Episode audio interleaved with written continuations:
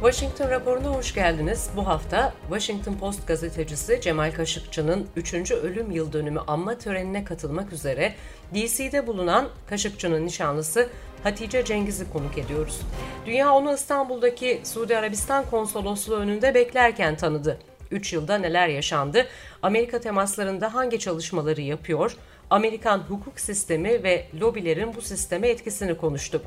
Önce bu hafta Amerika'da neler yaşandığına dair özetlerle başlayalım. Amerika Birleşik Devletleri Trump yönetiminin İsrail'e karşı ön yargı olarak adlandırarak insan hakları ihlalcilerini yeterince sorumlu tutmadığı gerekçesiyle geri çekilmesinden tam 3 yıl sonra Birleşmiş Milletler İnsan Hakları Konseyi'nin yeniden üyesi oldu. Pentagon 2022'de insansız savaş aracı şirketlerini bir savaş simülasyonunda test etmeyi planlıyor. Askeri liderler benzeri görülmemiş bu savaş oyununu bir gün tekerlekli robotların savaş alanına girmesini sağlayacak donanım ve yazılımı iyileştirmeye yönelik büyük bir adım olarak niteliyor. Pentagon'da yabancı silah satışını yöneten birimin direktörü Heidi Grant istifa etti. Grant, Amerika'nın bir müttefike silah satışını engellemenin o ulusu stratejik bir başka rakipten satın almaya sevk edip etmeyeceğini tartması gerektiğini söyledi. Grant'ın istifası bir panelde yaptığı konuşmanın ardından geldi. Pentagon sözcüleri istifanın konuşmayla bağlantısı olmadığını duyurdu. Grant, Boeing firmasında savunma, uzay ve devlet satışı takımlarına liderlik edecek. Amerika Birleşik Devletleri teknoloji transferi gerekçesiyle Orta Doğu ülkelerine drone satışı yapmıyor. Grant üstü kapalı olarak bu stratejinin Rusya ve Çin'e yaradığını ifade etti. Uh, it's uh, a real pleasure uh, to have my, my friend and colleague, Saudi Foreign Minister here. Suudi Arabistan Dışişleri Bakanı Prens Faysal bin Ferhan, Washington'a yaptığı resmi ziyarette Amerikan Dışişleri Bakanı Blinken'la görüştü. Blinken görüşmeye dair Amerika ve Suudi Arabistan arasında güçlü bir ortaklığımız var. Krallığı savunmaya kararlıyız şeklinde konuştu. Bu açıklama gelecekteki silah satışlarına referans vermekte. Suudi Dışişleri Bakanı ayrıca Amerika'nın İran özel temsilcisi Robert Malley ile de bir araya gelerek İran'la görüşmelerde ciddi olduklarını söyledi. Uh, we have a strong partnership between the United States and, and Saudi Arabia. We are committed to the defense of the kingdom. We have a lot of work uh, that we're doing together on a variety of very significant issues from uh, climate uh, to energy uh, to, to Yemen to, to Iran. Suudi Bakan'ın ziyareti Kaşıkçı cinayetinin 3. yılı anmasının 2 hafta ardından gerçekleşti. Kaşıkçı'nın arkadaşları ve düşünce kuruluşlarının desteğiyle bir grup avukatsa olayı Amerikan yargısına taşımış durumda ve sonucu bekliyorlar. Cinayet başka bir ülkede olduğu için Amerika'da açılan davadan nasıl sonuç çıkacağı merak ediliyor. Yargı yetkisi olmadığı söylenmekle birlikte 2000 tarihli insan ticareti ve şiddet mağdurlarını koruma yasası hem dünya çapında hem de ülke içinde mücadele için araçlar sağlamakta.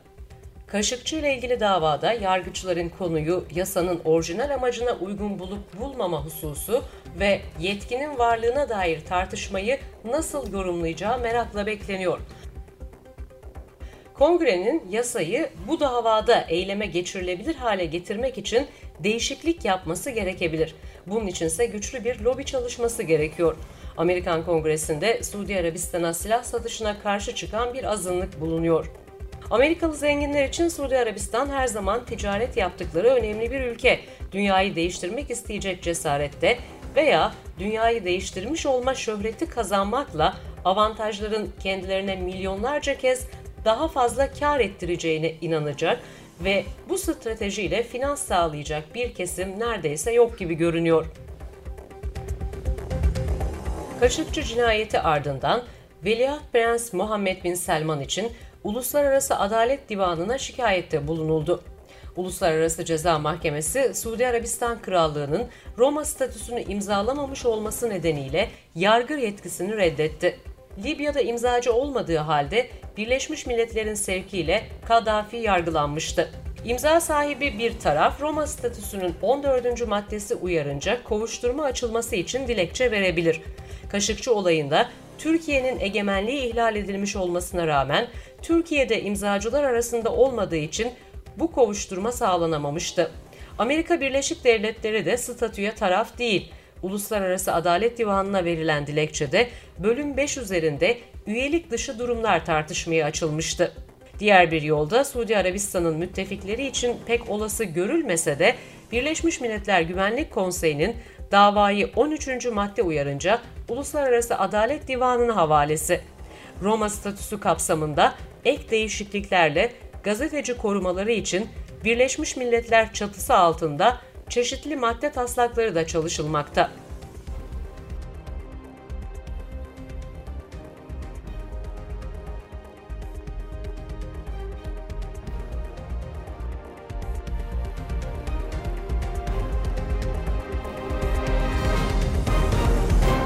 Merhaba.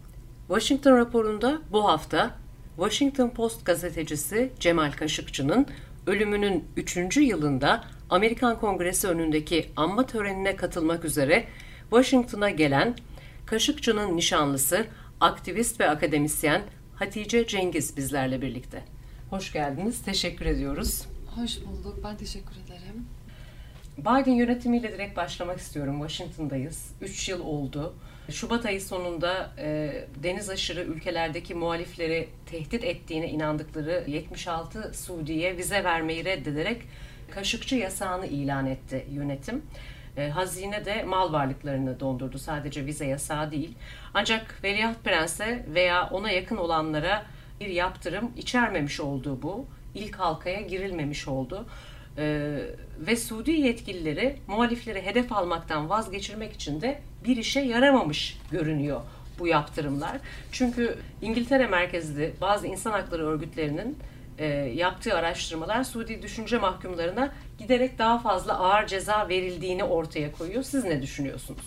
Evet aslında bizim başından beri e, yani altını çizmek istediğimiz ya da üzerinde durmak istediğimiz nokta buydu. Cemal'in öldürülmesinden sonra başlayan süreci hukuki anlamda, siyasi anlamda ve e, sosyal anlamda da farkındalığı e, diri tutabilmek adına yaptığımız bu girişimler, konuşmalar, işte benim burada bulunma sebebim, bu üçüncü yıl anmasına katılma nedenim, bunun hepsi aslında adaletin e, gerçek anlamda sağlanmasına yönelik süreci e, hala takip ettiğimizi göstermekte.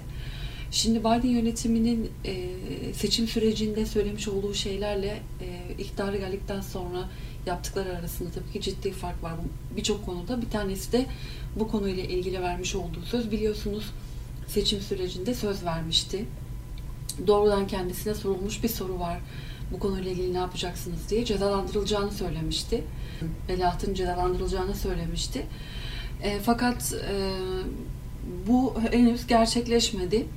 Bunun dışında e, vermiş olduğu sözü birazcık daha e, yani sözün arkasında duramadığı için e, meseleyi biraz hafifletmek adına çünkü bir gerginlik var bu konuyla ilgili bir söz var ve demokrasi insan hakları üzerinden yapmış olduğu bir seçim propagandası da var. Trump döneminde bazı konularda biliyorsunuz ciddi sıkıntılar yaşanıyordu. Dolayısıyla bunların birazcık hafiflemesi için ve diğer kongre üyelerinin de e, desteğiyle böyle bir şey çıkarıldı. Fakat bu e, her ne kadar önemsiz olmasa da bizim tam olarak istemiş olduğumuz şey bu değil. Yani biz daha uluslararası farkındalığı e, ciddi anlamda artıracak ve cesaretlendirecek bir yasadan bahsediyorduk. Gerçekten yaptırımı daha geniş halkalara da e, ulaşabilecek bir yasadan bahsediyorduk. Çünkü bu gerçekleşmiyor bununla beraber. Bu e, sadece bu emri veren kişilerin e, emri veren kişinin dışındakileri kapsayan bir şey kaldı ki o da zaten e, emri veren kişinin e, yaptığı bir şey. Yani siz buraya girmişken o zaman hemen ikinci soruma geçeyim. 26 Şubat'ta yine Biden yönetimi Veliaht Prens'in Suudi gazeteci Kaşıkçı'yı yakalamak veya öldürmek için İstanbul, Türkiye'de bir operasyonu onayladığını gösteren bir istihbarat raporunu yayınladı. Bu yönetim evet. yayınladı bunu. Ancak bu raporda öldürme ile sonuçlanacağının bilineceği bir veri olmadığı da notlar arasında var. Kesin bir veri olmadığı. Sizde e, kimin ölüm emri verdiğine dair bir veri var mı? Elbette ki bende böyle bir bilgi yok. Bende böyle bir bilgi paylaşılmadı. Hiçbir hükümet tarafından, kendi ülkemde dahil. Fakat bu istihbarat raporundaki muallak e, ifadeler birazcık e, yani sonucu herkesin bilmiş olmasına rağmen yaptırım noktasında ciddi adımlar atılmayacağını göstermek adına ya da e, muallak ifadeler kullanarak kafa karıştırmaya yönelik şeyler bu şekilde bu şekilde olduğunu düşünüyorum. Aksi takdirde yani birisine öldürme emri verdiğini açıklayıp da ya da bunu raporda yazıp da ama bununla ilgili kesin bir ifadede yok gibi böyle bir şey olabilir mi? Yani biz burada büyük bir istihbarat teşkilatının yayınladığı bir rapordan bahsediyoruz. Yani bir e, gazete raporu değil, bir istihbarat raporu bu ve bir kişinin hayatı tehlikede orada. Size göre verilen talimat yakalanması ölüm pahasına olursa da olsun muydu yoksa ölüm talimatı mıydı? Sizin kafanızdaki hissiyat ve algı nasıl? Bu üç sene boyunca nasıl gördünüz bunu? Açıkçası insan inanmak istemiyor. Ben hala Cemal'in e, bir emirle e, böyle bir e, katliamı kurban gitmesini bir insan olarak anlamlandıramıyorum. Kafamda bir yere koyamıyorum. Hala çok e, işin duygusal kısmında e, çok yoğun şeyler hissediyorum. Bu konuyla ilgili inanın bir şey söylemek çok zor. Bilmiyorum. Nasıl bu insanların düşünme şeklinin nasıl olduğunu kestirmek çok zor. Ve nasıl bir e, düşünme şekliyle bunu hayata geçirdiler ve yapanlar bunu nasıl icra ettiler? Nasıl bir e, emir üzerine harekete geçirilmiş olursa bil olsun. insanın böyle bir şey yapabilmesi çok mümkün değil yani. Bunu bile anlayamıyorum arkasındaki emrin ne olduğunu bilmemekle beraber. Uygulayanlar yani, açısından evet, da söylüyorsunuz. Aynen. Ee, Selman Amerika'da bir televizyona katıldı, programa katıldı ve e, Cemal'in ölümünden sorumlu hissediyorum dedi. İlk başlarda, iki yıl kadar önce daha doğrusu. Ve it happened under my watch ifadesini kullandı burada. Bu programı o anda veya sonrasında sizin için çok yeniydi. İzlediniz mi? Evet ben tabii ki takdir edersiniz konuyla ilgili bütün gelişmeleri takip etmek durumundaydım o günlerde dahil. Ben bu ifadeyi ilk duyduğum zaman şöyle bir şey hissettim. Çok e, stratejik bir e, taktik gibi kullanmaya çalışılmış bir ifade. Çünkü benim idarem altında bunun yapılmış olması, benim kontrolümün altında bunun yapılmış olması suçu kendinden uzaklaştıran bir e, altyapısı var. Yani evet bunun benim haberim vardı benim idarem altında gerçekleşti ve kendisinden uzaklaştırıyor. Yani kendisini yakınlaştırıyormuş gibi göstererek, kendisini meselenin içine alıyormuş gibi göstererek aslında meseleyi kendisinden uzaklaştırmaya çalışıyor. Ben yönetici olduğum evet, için ben yönetici e, sorumluyum. Oldum. Bunun talimatta evet. payım yok anlamında. Aynen. E, hem CIA hem İngiliz istihbaratı Selman'ın yardımcısı Kahtani'nin Kaşıkçı'yı konsolosluk içinde bu operasyonu yapan ekibi e, bir araya getiren ve bu komploda da temel figür olarak gösterdiğini biliyoruz. E, Suudi Mahkemesi Kahtani'yi bu olayların dışında bıraktı ve akladı. Daha sonra da Suud basınında e, vatansever olarak e, manşetlere taşındığı bir haber gördük. Bu ölüm timinin 5 üyesi ölüm cezasına çarptırıldı. 4'ü 24 yıl hapis cezasına çarptırıldı. Türkiye'ye gelen timde 15 kişi vardı. Geri kalanların akıbetini siz biliyor musunuz? İşte aslında burada sorulması gereken, yüksek sesle ifade edilmesi gereken soruların en önemlilerinden bir tanesi bu. Çünkü biz Suudi Arabistan'da yürütülen hukuki süreçle alakalı hiçbir şekilde haberdar değiliz. Ve bunlarla ilgili olarak ayrıntılar toplumla paylaşılmadı, kamuoyuyla paylaşılmadı. Ve sürekli olarak benim konuşmalarımda ya da katıldığım programlarda insanların bana işte attığım tweetlerin altına yorumlarında işte biz mahkeme süreci Suudi Arabistan'da gerçekleşti. İşte adalet bir şekilde burada sağlandı. Siz hala neyin peşindesiniz gibi açıklamalar yapıyorlar, yazıyorlar, yazıyorlar. İşte biz bunları bilmiyoruz. Kim, hangi insan ne kadar ceza aldı vesaire. Yani genel olarak Suudi Arabistan'daki hukuk süreci kesinlikle şeffaf yürütülmedi. Bunu herkes biliyor. Bütün dünya kamuoyu biliyor. Dolayısıyla Agnes Hanım'ın zaten yazmış olduğu BM raporunda hatırlıyorsunuz uluslararası bir şey e, hukuki süreç talep etmişti. Fakat böyle bir süreç biliyorsunuz başlatılmadı. O sadece raporu yayınladı. Rapordan sonra sürecin uluslararası bir mahkemede yürütülmesini talep etti. Fakat bu da gerçekleşmedi. Neden ve nerede tıkanıyor bu? Neden tıkanıyor? Çünkü Birleşmiş Milletler üyesi ülkelerin talep etmesi gerekiyor. Hiç kimseden böyle bir talep gelmedi. Böyle bir talep gelmeyince de Dünya beşten büyüktüre mi geliyoruz gene burada? Evet. Aynen öyle. Yani dünyanın real e, gerçekleri insanların söylemiş olduklarından çok daha farklı. Amerika'ya yine kısa bir dönmek istiyorum. Çünkü Amerika'da Trump dönemi Trump'ın e, çok somut, rasyonel e, pragmatik açıklamaları vardı. Suud'la ticari ilişkiler, Amerika'nın çıkarlarıyla alakalı. Çok net söylüyordu bu sebeplerden diye. O döneme gittiğimiz zaman bir takım diplomatik görüşmelerde üst düzey Beyaz Saray ekibinin yabancı liderlerle yapılan her görüşmede belli Ulusal Güvenlik Konseyi çalışanlarının da bulunması gerekiyor. Ama Trump'ın damadı o zamanki Orta Doğu danışmanı Prens'le devamlı bu kayıtlar dışında bir irtibat halindeler. Bu görüşmeler 2 Ekim'in ardından da 3 sene önce devam etmiş görünüyor. CIA'in bu raporu ardından da daha Trump zamanında aslında o zaman da bir rapor çıktı biliyoruz. Kushner Prence'in Beyaz Saray'daki bir savunucusu oldu. Şimdi yeni döneme geldik. Biden'ın verdiği sözler var. Yaklaşım fark görmekten umutlu musunuz? Hayır tabii Adalet ki. ve hukuk süreci de bekliyorsunuz bir taraftan genelde, Amerika'da. Genelde bizim Orta Doğu'da e, yakın olduğumuz görüntülerdir. Ülke başkanlarının arasındaki samimiyet, işte diplomasinin önüne geçen kişiler, e, işte ilişkiler, yaklaşım şekilleri, konuşmalar vesaire Orta Doğu'da, Arap ülkelerinde bizim hepimizin bildiği şeyler fakat bunları artık Avrupa'da ve Amerika'da da görmeye başlayınca insan gerçekten endişe etmeye başlıyor. Çünkü e, artık bütün siyasi e, ve insani değerlerin üzerinde bir e, çıkar ilişkisi içine dönüşmüş durumda ülkeler arası ilişkiler. Dolayısıyla yani Trump döneminde yaşadığımız şey tamamen buydu. Tamamen ilişkiler üzerinden bir bağ kurdular, bir araç kurdular. Dolayısıyla e, çok çok kaygı verici bir dönemdi benim için Trump dönemi. Biden döneminde de benzer olduğunu kabul ediyorsunuz. Fakat bir taraftan Amerikan adaleti de her zaman ayrı bir yerde görülüyor. Amerikan adaleti açısından bakarsak Biden yönetimi bir yaptırım uygulamadı, halkayı dar tuttu. Bunu söyledik açılışta. Fakat Amerika'da sizce adalet gerçekten bağımsız mı yoksa bu dış politika çıkarları sizin Amerika'da mücadelesini vermek istediğiniz davada etki edebilir mi? Böyle bir endişeniz var mı? Ve Amerikan yani, hukukuna dair beklentileriniz? Burada e, çok önemli bir şey ifade etmek lazım. Birincisi bizim hukuki sürecimiz Amerika'da halen devam ediyor. Yani bir şeye bağlanmış değil, süreç devam ediyor.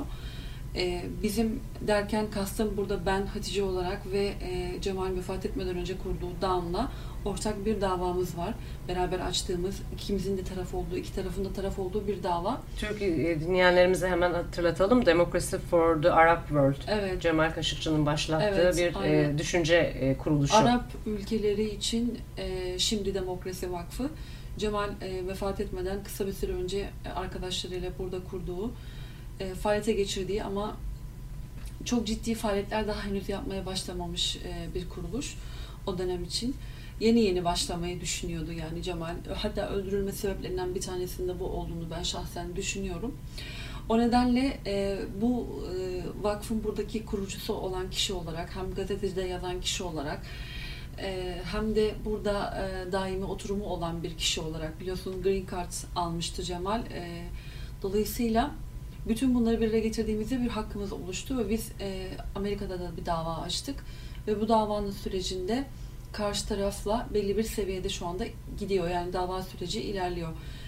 Bu, Karşı taraflı derken Amerikan hukuku nezdinde Suud hükümeti anlamında mı söylüyorsunuz? Aha, evet hı hı. yani biz hukuki süreci burada Amerika'da takip ediyoruz. Burada şimdi hukuki süreçte nasıl bir e, aksiyonla karşılaşacağımız bilinmemekle beraber ama ben gayet umutluyum. Çünkü az önceki sorunuza e, yanıt vermek aslında o kadar kolay değil. Hani Amerika'da adil düzen var mı diye.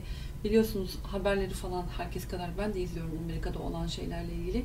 Ama ben yine de Amerika'nın dünyanın birçok ülkesine göre hala ciddi bir ve güçlü bir hukuk sistemi olduğunu düşünüyorum. Kendimizle alakalı yani bu davayla alakalı olarak da hukuki sürecin sürecin bence olması gerektiği gibi yani e, bence dava sürecine olumlu anlamda katkı verecek şekilde yürüyeceğini düşünüyorum. Ayrıca eğer bunun dışında bir şey olursa da o zaman bütün hep beraber görmüş olacağız. Çıkarların ve siyasi daha doğrusu siyasi çıkarların hukuka ne kadar etkilediğini hep birlikte burada Amerika'da birlikte göreceğiz. Siz dediniz ki Down'un kurulması da öldürülmesine giden yolda bir sebep olmuş olabilir. Çünkü Washington düşünce kuruluşlarının, lobi faaliyetlerinin ülkelerle ilgili bir podyumu adeta. Pek çok ülkede buraya ekonomik durumundan bağımsız olmak üzere hatta para akıtıyor. Suudi Arabistan'da bunların başında geliyor. Ee, çok etkin lobi çalışmaları var. Düşünce kuruluşlarına verdikleri, akıttıkları paralar var. Pek çok önemli ilk ligdeki üniversitelere verdikleri paralar Kaşıkçı olayından sonra sorgulandı ve üniversitelere baskı uygulandı bu paralarla eğitimin yürümemesi açısından. Sizce bu dava da lobi gruplarından baskı görür mü veya sizin buradaki çalışmalarınız Down e, nasıl bir ortamın içinde bu lobi gruplarıyla karşı karşıya kalıyor? Ben orta ve uzun vadede bu cinayetin Suudi Arabistan'ın genel e, gidişatıyla ilgili olarak çok olumsuz bir şekilde ilerleyeceğini düşünüyorum. Zaten yakın bir zamanda Suudi Arabistan'da çalışan bir lobi firması anlaşmasını feshetti. Geçen haftalarda oldu bu. Bu DAM'ın çalışmaları e, sayesinde oldu. DAM çok organize bir şekilde Cemal'in mirasını ve Cemal'in misyonunu halen burada Amerika merkezli çalışmalarıyla devam ettirmek için çalışıyor. E, buna hukuki süreci de dahil ediyoruz. Başka destek olan gruplar var mı bu davanızda Amerika'da size? Başka düşünce kuruluşları. Yanınızda başka aslında, birileri var mı? Avukatlarınız aslında, var, Down var, Cemal'in kurduğu. Evet. E, en şey olarak söylersek e, hukuki süreçte tabii ki avukatlar var, Down var. Ama dünyanın neresine gidersem gideyim, Orta Doğu hariç, medya ve gazetecilikle alakalı bütün örgütler benim yanımda hissediyorum destek destek de veriyorlar. E, fakat şunu da söylemek lazım. Özellikle insan hakları örgütleri, hukuki e, yanı olan aktivist örgütleri vesaire bunlar. Ama artık medya e, yani hükümetler nezdindeki resmi medyanın daha böyle e, şey kaldığını görüyorum. Sesi fazla çıkmıyor Evet anlamında. sesi fazla çıkmıyor. Burada aslında ne kadar önemli olduğunu gördüm ben. Normalde doğrudan hayatına gazeteci olarak başlamamış birisi olarak her ne kadar siyasete yakından takip etsem de gazeteciliğin bu zamanda bu kadar önemli olabileceğini, gazeteciliğin neden bu, dün, bu dönemde bu kadar önemli olabileceğini Cemal'den sonra daha iyi anladım. Çünkü bu e, hala gazeteciler üzerinden yürüyen bir, devam, bir, bir mesele haber değerinin dışında gazeteciler de omuzladı, omuzlamaya İki devam açıdan ediyor. burada bir şey sormak istiyorum. Cemal'i aslında biraz konuşmuş olacağız ama e, Washington Post'a da özel olarak gelmek istiyorum. Yanınızda kim var sorusundan ona da geçmek istiyorum. Kraliyet için bir dönem içeride olan biriydi. Sonra bir eleştirmene dönüştü. E, ülkesiyle ilgili duruşunu siz gördünüz tanıştığınız süre içerisinde. Cemal Kaşıkçı bir Washington Post yazarı olarak ve kendi deneyiminden bir eleştirmene dönüşmesi yolculuğuna baktığınızda bütün ülkeyi Suudi Arabistan'ı değiştirebilecek, karıştırabilecek veya düzeltebilecek nitelikte biri miydi ki tek çözüm öldürülmesi oldu onlar için sizce? Yoksa bu bütün muhaliflere yapılan rutin bir şey mi? Nasıl görüyorsunuz Cemal'in farkını? Yani evet ya da hayır olarak cevaplamak biraz iddialı olur. Ama Cemal'in çok farklı bir insan olduğunu hem devlet tecrübesi, hem gazetecilik tecrübesi, hem ülke içerisinde konum itibariyle diğerlerinden çok daha farklı olduğunu herkes biliyor zaten sadece kendi ülkesinde değil Orta Doğu ile ilgili yaptığı bütün çalışmalar yani bütün ülkeler nezdinde tanınmış bir gazeteci. Bir de Cemal'i Cemal yapan en önemli şey ilk mesleke ilk mesleğe başladığı andan son ana kadar bütün kademelerle çalışmış. Muhabir olarak da çalışmış, raportör olarak da çalışmış, müsteşar olarak da çalışmış, gazete genel yayın yönetmeni olarak da çalışmış, yazar olarak da yani gazeteciliğin, sonra televizyon programcılığın, ve bununla benzer bu kraliyet sektörü... yayın organlarında bulunuyor değil mi? Çok üst düzey yönetilen ve kraliyetle de iç içe geçirdiği yani, süreçler var. Yani sürecinin kesinlikle olmadığı bir ülkeden bahsediyoruz. Suudi Arabistan sonuçta biliyorsunuz rejimini. Ee, böyle bir ülkenin içerisinde gazeteciliğin ne olduğunu, gazetecilik sektörünün nasıl bir sektör olması gerektiğini bir de Cemal Amerika'da okumuş birisi. Yani 1980'lerde Amerika mezunlarından ve o dönemde öğrendiği tecrübeyi, bilgiyi alıp kendi ülkesinde ilk kuranlardan, o mesleği ilk icra edenlerden. Dolayısıyla tabii ki çok önemli. Bu tecrübe asla yabanılabilecek bir tecrübe değil. Fakat e, şu, şunu da söylemek lazım. Cemal mesleki başarısı ve birikiminin dışında çok farklı bir insandı beyin olarak. Yani düşünürdü, entelektüeldi, yazardı, öngörebilen birisiydi. Gelecekte olabilecekleri gerçek anlamda yani e, fark edip ona uygun bir takım stratejiler, planlar üretebilen birisi. Nasıl bir ilham veriyordu? Ülkeden ülke için onlar açısından baktığımızda nasıl büyük bir risk teşkil ediyordu düşüncelerinin okunması? Yani muhtemelen e, Cemal'le alakalı zaten bu kadar düşünmüş olsalardı onu yanlarına almaya çalışırlardı. Böyle düşünmedikleri için yani Cemal'den ilham almayı vesaire düşünmedikleri Ee, Suudi halkının ondan etkilenmesinden mi korktular? Onu sormaya çalışıyorum aslında. Yani yazdıklarının okunması. Yani öyle görünüyor ki e, şey me- mevcut şeyi statükoyu korumak amaç amaçlı e, bir değişim. Ya şimdi genel olarak orada da bir değişim süreci var ve bu değişim sürecini harekete getirecek her şey bir tehlike olarak algılanıyor. Yani 2010 yılında başlayan ve 2021 yılı itibariyle halen içinde bulunduğumuz günde dahil devam eden bugün biliyorsunuz Lübnan'da olaylar, protestolar, farklı gruplar arasında çatışmalar yani Orta Doğu hiçbir zaman eskisi kadar sakin olmayacak. Yani son 10 yıldır olan şeyler ilerleyerek artmaya devam edecek. Çünkü bir değişim süreci içerisinde. Cemal de bunu fark ettiği için buna organize bir değişimi, bir değişimi, bir devrimi değil de bir değişimi tavsiye ediyordu. Çünkü e, Suudi Arabistan'ın e, geleneksel bir yani biliyorsunuz Batı'da da geleneksel sistemler var, Doğu'da da var. E, işte daha e, meclisi olan bir Temsili demo- demokrasi yani. Evet, Hı hı. temsil demokrasi. Sonra buna benzer çünkü bunun değişmesi için ilk önce zihinlerin değişmesi gerekiyor. Cemal bunun için çok uğraşmıştı. Dolayısıyla bu süreci bilen, okuyan ve uygulamasında etkili olabilecek faktör olarak Cemal çok önemli bir isimdi ve bunun bu şekilde olmasından rahatsız oldular. Yani az önceki sorunuza kısa bir şekilde cevap verecek olursak eğer Cemal aslında kendi ülkesinden çıkıp da bu kadar kendi ülkesinin önüne geçebilen büyük bir isim nasıl olabilir? Yani nasıl bu kadar bize hizmet etmiş bir insan olarak bizim sözümüzden bile çıkıp bizim önümüze geçip bizden bağımsız bizi eleştirebilir? Bu zihniyetle Cemal e, onların gözünde herhalde şeytanlaştırıldı diye düşünüyorum. Ee, 2 Ekim'den 3 gün önce BBC'ye bir röportaj verdi. Ben sadece bir gazeteciyim dedi orada. Washington Post bana bir alan verdi. Ben de orada düşüncelerimi özgürce yazıyorum. Keşke bu fırsat bana kendi ülkemde verilseydi. Ee, Washington Post olayın ardından bu misyonu nasıl sürdürdü sizce? Ben Washington Post'un Cemal'in vefatından sonra ya da e, ilk ortadan kaybolmasından sonraki süreci çok başarılı bir şekilde yürüttüğünü, meseleyi omuzladığını düşünüyorum.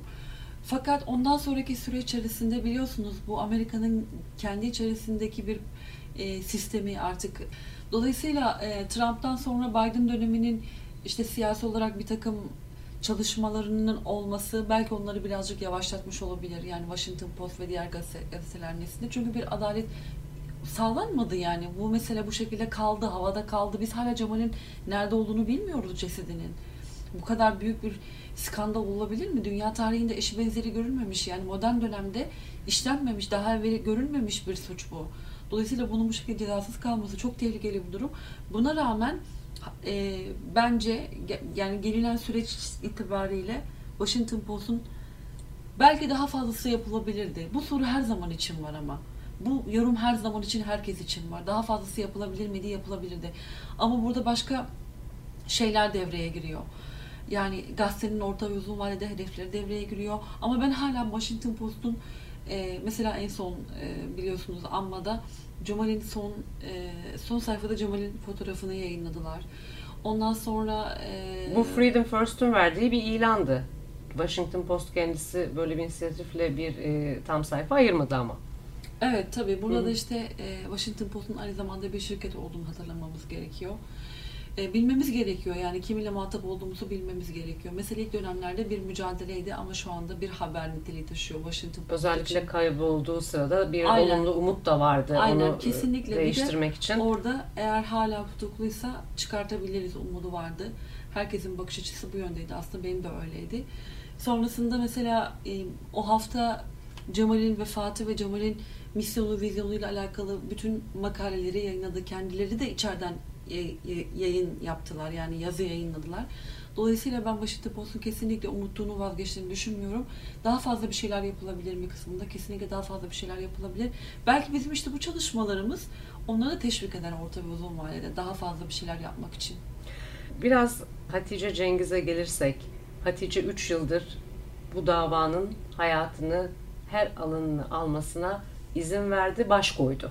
Sizin yanınızda avukatlarınız var. Buradaki düşünce kuruluşunu e, görüyoruz. Dünyanın her yerinden davetler alıyorsunuz insan hakları ile alakalı. Konuşmalar yapmak üzere sizi çağırıyorlar. Konsolosluğun önündeki görüntünüzün dünyadaki yer aldığı andan itibaren siz bir sembol haline geldiniz. Siz hayatınızın bu şekilde gitmesine daha ne kadar izin vereceksiniz? Hayatınızın diğer alanlarında bir şeyler yapacak kadar yavaş yavaş kendinizi toparlamaya başladınız mı? Yoksa hayatınız, hedefleriniz tamamen olaydan öncesine göre değişmiş durumda mı? Sonundan başlayayım. Hayatım tabii ki bu olayın öncesine göre değişti ve düşüncelerim de değişti. Hayat planlarım da değişti. Olmuş olan bu cinayetten sonraki süreç bambaşkaydı onun öncesine göre. Ee, bilmediğim, belki de hayatımın sonuna kadar birçok şeyi bilmeden ayrılacağım bir hayatın içerisinde birdenbire çok büyük real politikle karşılaştım. Ee, genç bir e, insan olduğumu düşünüyorum. Daha yeni başlamıştım akademi çalışmalarına. Yüksek lisansım henüz bitmişti, doktora dönemindeydim. Ee, küçük yaşta Arapça öğrenmiş olmanın vermiş olduğu avantajları kullanarak bir ortam sağlamaya çalışıyordum kendime ülkemde. Yeni yeni başlangıçlar hedefliyordum. Birçok alanda bir şeyler yapabilirdim. Yapabilirim hala. Gazetecilik olabilir, akademisyenliğe tekrardan yeniden kaldığım yerden dönüş olabilir. İşte e, bütün bunların hepsini kapsayacak belki bir medya e, sözcülüğü gibi bir şey olabilir. Bilmiyorum hangi sektörden nasıl başlayabilirim ama bütün bunların hepsi benim Cemal'den önce kafamda olan şeylerdi ve ilgi duyduğum siyaseti siyaset ve siyaset üzerinden öğrendiklerim insanlara paylaşma platformları olarak kafamda olan şeylerdi. Fakat Umman şimdi... çalıştınız. Mısır'da çok uzun zaman kaldınız. Arap ülkelerini biliyorsunuz onu anlatmak için. Hı-hı. Hem Mısır'da eğitim aldınız, dil eğitiminizi Arapçayı orada öğrendiniz. Sonra yüksek lisans için Umman'a evet. gittiniz. Orada ne kadar kaldınız? Orada bir yıla yakın kaldım. Ee, o ülkeyi çalıştınız. Aha, evet. Arap dünyasına bakışınız nasıl şekillendi üzerine de bu olay gelince? İşte bu birinci soruyla birleştirirsek eğer benim kafamda aslında birazcık renklerini bil tamamen yani bütün renklerini bilmediğim bir Arap dünyası vardı. E, sistemini evet okuyoruz tarih kitaplarında, politikada, haberlerde vesaire ama bizatihi karşılaşıyorsunuz, yaşıyorsunuz. Yani ben siyaseti takip eden birisi olarak siyaseti yapan birisi konumuna gelmiş oldum bu olaydan sonra ya da siyaset yapmak zorunda kalan birisi haline gelmiş oldum. Bu işte benim bakış açımı değiştirdi, değiştiren şey. Yani aslında benim bütün doğrularımı ya da bütün inandığım değerleri ya da bütün umudumu kökünden sarsan bir şey. Çünkü e, ben bizim doğuda ülke ülke olarak değil, doğu bölgesinde hala bir şeylerin olduğu gibi anlatılamadığını yani aslında daha çok güzel şeylerimizin olduğunu hem tarihte hem işte kültürde hem sanatta hem dilde hala çok fazla güzel şeyimizin olduğunu, bunları diğerlerini konuşmaktan fırsat olmadığı için anlatamadığımızı düşünüyordum. Yani ben doğunun hala hayır yeri olduğunu düşünüyorum. Hala bereket toprakları olduğunu düşünüyorum. Ben yine bir gün doğunun kendi içerisinden kendini silkeleyerek çıkacağını düşünüyorum. Ben bu kadar ümitle, bu kadar inançla, bu kadar sabırla ve emekle yani inandığım şeyler içine emek veriyorum. Yani bir şeyleri yani o yüzden Arapça öğrendim. O yüzden çalıştım. Yani o yüzden Mısır'da kaldım. O yüzden Umman çalıştım ya da yani işte mezhepsel farklılıklardan tutun, kültürel değişiklikler, işte dilsel farklılıklardan tutun. Yani çünkü bölge kaynıyor şu anda. Bölgeyi iyi anlamamamız gerekiyor. Bu insanlarla bir temas içinde olmamız gerekiyor ama doğru bir şekilde. Çünkü artık eski Türkiye de yok, eski Arap ülkeleri de yok yeni bir dil, yeni bir şey geliştirmemiz lazım. Tüm bunların içerisinde fikir anlamındaki insanlar aracılığıyla olacak bunlar öyle değil mi? Yani gökten bize inmeyecek bir dil yeniden. Biz kendi aramızda bir oluşum kuracağız. İnsanlara yeniden bir strateji ve sinerji geliştireceğiz. Dolayısıyla ben bu sürece katkısı olan bir insan olmak isterken birdenbire bu coğrafyaların uzun zamandan beri kendi içerisinde yaşamış olduğu problemlerin e, bir tanesinin kurbanı olmuş oldum. Ya da kurban değil de işin içinden bakarsam, ben ki işin içinden bakıyorum. Ben sevdiğim, saydığım, güvendiğim, kardeşim olarak gördüğüm ve dillerini de bildiğim bu insanların içinde kendimi onlar gibi hisseden bir insanken şimdi bu davadan kaldığım pozisyon gereği, içinde bulunduğum pozisyon gereği e, hakkı söylemek zorundayım. mücadeleyi yapmak zorundayım. Adaleti aramak zorundayım. Çünkü Cemal'i Cemal bir şekilde bizden ayrıldı gitti ve hakkını yerde bırakmamamız gerekiyor. Ben buna bu şekilde bakıyorum ama buna bak bu şekilde baktığın zaman da diğer bütün tarafı karşına almış oluyorsun. Peki Amerika'daki dava olumlu sonuçlanmazsa bu duracak mı sizin için? Yoksa e, artık hayatınızda aktivistlik, insan hakları, dünyanın neresinde olursa olsun o yönde bir hayatınız mı olacak? Aslında ben de bu sorunun cevabını merak ediyorum. Çünkü e, Amerika'daki davanın bu şekilde sonuçlanması ya da e, süreci katkı anlamı, anlamında olumlu sonuçlanması e, değiştirmemesi gerekiyor bu süreci. Biz bugün adalet Cemal için aranıyor. Yarın adalet hepimiz için lazım. O yüzden bence adaleti köklü olarak dünyaya kazanmamız için yani bu sistemin e, kokuşmuş yanlarını, problemli yanlarını e, değiştirmek için bence bizim hala Cemal'in adaletini her halükarda savunmamız lazım, savunabiliyor olmamız lazım. Dolayısıyla hayatımın diğer alanlarında bir yer dahi açsam yavaş yavaş bunun için uğraşmaya başladım, çalışmaya başladım. Ama bu mesele hayatımın bir kısmında olacak diye düşünüyorum. Bütün bu süreçte sizi en çok kim dinledi? Kim anlamaya çalıştı bu zor dönemlerinizde ve tevekkül kelimesinin anlamı sizin için nedir? Ailem diyebilirim. Yani ailemin çok desteği oldu. Gerçekten aile faktörünün bu kadar önemli olabileceği hiç aklıma gelmezdi. Dostlarım da oldu. Yani ailemden sonra dostlarım çok kıymetli insanlarla tanışmışım hayatımın e, çok erken dönemlerinde. Onlar mesela onlar hayatımdan çıkmadı. Tabii ki süreçte kaybettiğim kişiler oldu ama samimi dostlar, sağlam dostlar çok önemliymiş. Onların destekleri olmasaydı bu süreç çok çok çok zor geçerdi. Tevekkül kısmında ise e, siz kabul etmek istemiyorsunuz aslında yaşadığınız şeyi, inkar ediyorsunuz. Yani bu, bu aslında bir, biraz Allah'a ve Allah'ın sizin için yazmış olduğu kadar isyan etmek anlamına geliyor bir yerde. Çünkü çok büyük bir acın içine düşüyorsunuz.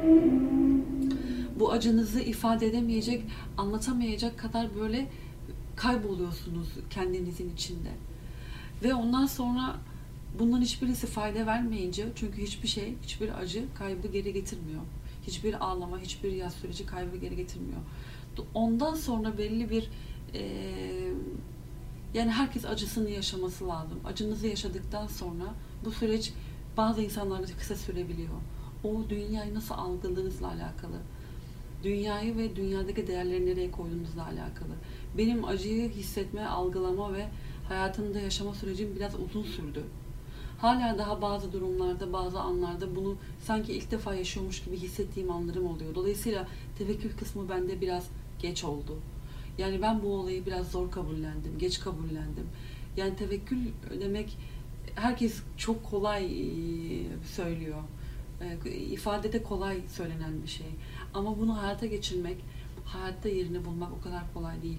Tevekkül e, ilk andan itibaren o şeyi, sağduyu gösterebilmek, o soğukkanlılığı gösterebilmek o kadar kolay şeyler değil. Yani Allah'ın sizin için yazmış olduğu şeye acısına rağmen kabul edebilmek ve Allah'ım ben senden razıyım diyebilmek aslında yapmamız gereken şey. Ama işte bunu yapma sürecinde yaşadıklarınız kolay değil. Yani ben hemen o sürece gelemedim. Evet, Türkiye ve Cumhurbaşkanı Erdoğan uzun bir süre özellikle ilk iki yıl bu konuyu çok dillendirdi. Bununla kapatalım isterseniz. O süreçte kendi ülkenizin tutumuyla ilgili nasıl hissettiniz? Aslında bakıldığı zaman olması gereken yapıldı. Neden? Çünkü sonuçta ülkemizde bir cinayet işlenmiş ee, ve bu cinayetin bir şekilde ortaya çıkması gerekiyor. Hepimiz şaşkındık hatırlarsanız o döneme döndüğümüz zaman kimsenin aklına gelmeyen şey ülke olarak hepimizin başına geldi. Benim de e, orada bulunmam süreci birazcık daha hızlı aydınlanma anlamında e, olumlu e, şey yaptı süreci olumlu etkiledi. Tabii ne olduğunu hiç bilemeyebilirdik çünkü evet. kayıp mı oldu, kaçırıldı mı, oraya gitti yani, mi? Aynen. Bu bunların hepsi e, oturup bakıldığında e, aslında şükredilecek bazı noktalar öyle değil mi? Her ne kadar büyük bir acı dahi olsa, her ne kadar büyük bir kayıp dahi olsa ülke olarak bakıldığında e, süreci olumlu etkileyen bir şey hmm, şey oldu. Fakat e, dışarıdan bakıldığında dediğim gibi Türkiye'nin yapması gereken oydu zaten. O yapması gereken şey ülkesinde öldürülmüş bir insanın neden öldürüldüğünü ya da nasıl öldürüldüğünü ortaya çıkarmaktı. Ama tasavvur ötesi bir şekilde yapılan bir şey olduğu için Türkiye çok büyük bir panik ve şok etkisi yaşadı diye düşünüyorum. Ve bunun da etkisiyle yani orada bir düşmanlık var. Orada bir haneye tecavüz var. Orada bir yani konsolosluk binası çok tanınmış bir insan ve gerçekten çok insani bir taleple gelmiş buraya. Yani Cemal mesela yolda öldürülmedi. Cemal mesela otelde öldürülmedi. Bunların hepsi bu, bu süreçte etkili. Yani beni bu kadar aslında süreçten sonra harekete geçmemi etikleyen noktalardan bir tanesi de Cemal'in evlenmek üzere gittiği yerde öldürülmüş olması. O nedenle beni duygusal olarak yıllarca, aylarca e, kendime getiremeyen, beni e, meseleye doğrudan halkadan alan konu burası. Türkiye ile ilgili kısmı da bence Türkiye hak ettiği şekilde dünya sahnesinde yer almak için hazır bir ülke olduğunu gösterdi bu olayla. İkili ülke ilişkilerini gözetmedi. Ne olur ilerleyen zamanlarda diye düşünmedi. E, yapması gerekeni yaptı diye düşünüyorum. Ha yapmayabilir miydi? Bence yapmayabilirdi diye bir şansı yoktu. Ha şu olabilirdi belki. Hani medya olarak e, olay ortaya çıktıktan sonra hani gündemi tutma olarak birazcık geri çekilebilirdi. Bunu yapmadı. Gerçekten bence e, ülkemiz bu olayı anlamlandıramadılar. Yani bir tepki vermek istediler yani. Bence o şekilde oldu. Ve bununla alakalı da kendimi tabii ki iyi hissettiğimi söylemem gerekiyor. Ee, özellikle ilk dönemde Türkiye'nin hem hükümet olarak hem istihbarat olarak yaptığı çalışmalar çok önemliydi. Sürece ciddi katkıları oldu.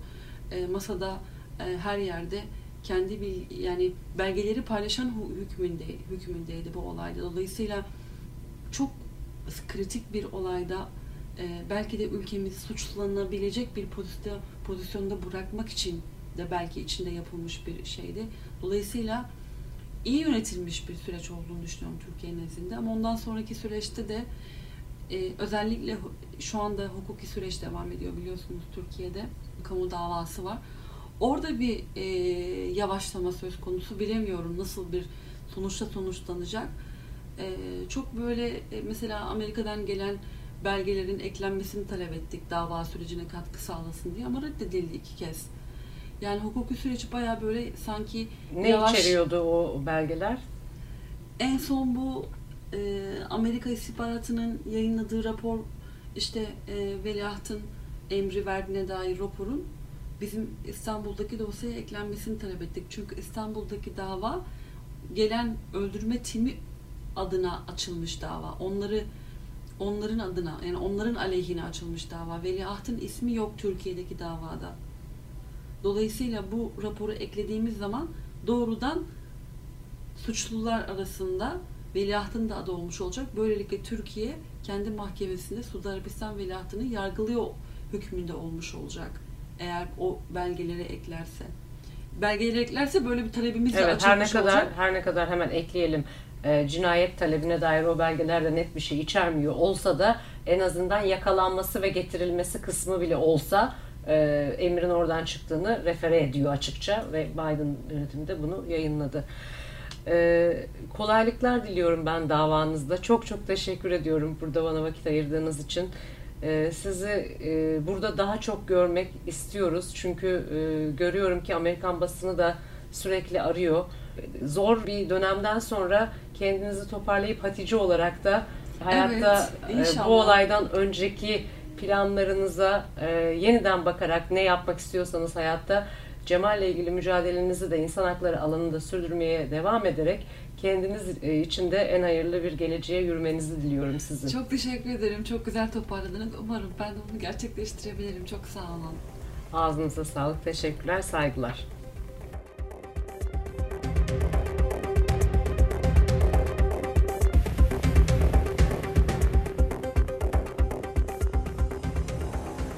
Amerikan siyasetinde kutuplaşma sürüyor. 6 Ocak Kapitol ayaklanmasını araştıran Temsilciler Meclisi Komitesi, eski Başkan Trump'ın danışmanı Steve Bannon'ı mahkeme celbine uymayı reddettiği için cezai sürece dahil etmekte ilerliyor.